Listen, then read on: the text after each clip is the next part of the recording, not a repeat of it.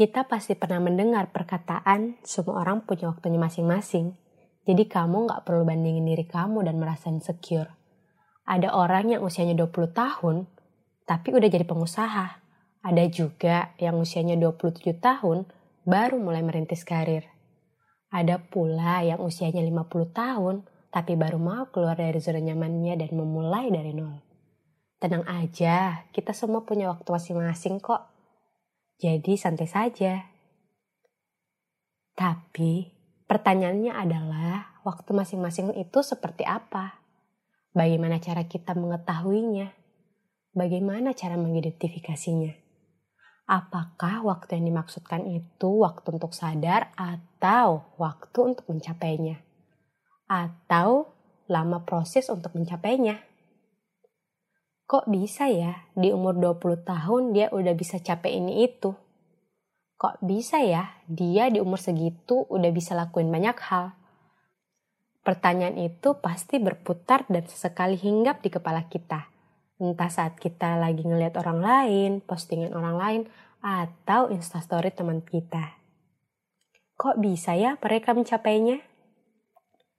Mereka yang kamu pikirkan dan jadikan perbandingan itu bisa saja sebelum umur 20 tahun dia sudah mengenali siapa dirinya. Apa kelebihan dan kekurangannya, passionnya apa, sehingga dia mulai memfokuskan passion dan kelebihan yang dia punya pada satu hal yang membawanya kepada pencapaian itu.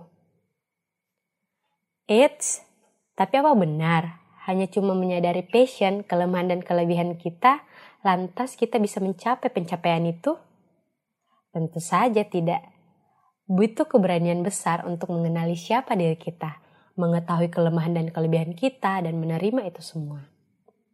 Selain itu, perlu pula keberanian untuk keluar dari zona nyaman kita agar bisa bergerak mencapai apa yang kita inginkan. Tapi sayangnya, hanya beberapa dari kita yang berani untuk keluar dari zona nyaman itu dan berani menerima segala kekurangan dan kelebihan kita. Memang benar, kita semua punya waktu masing-masing, tidak usah terlalu terburu-buru. Tapi menurut aku, waktu masing-masing itu mengarah pada lamanya proses kita untuk mencapainya. Kita memiliki pengetahuan dan pengalaman yang berbeda-beda, bukan? Jadi tentu saja lamanya proses kita untuk mencapainya akan berbeda-beda pula. Kita jangan menunggu waktu yang tepat untuk keluar dari zona nyaman.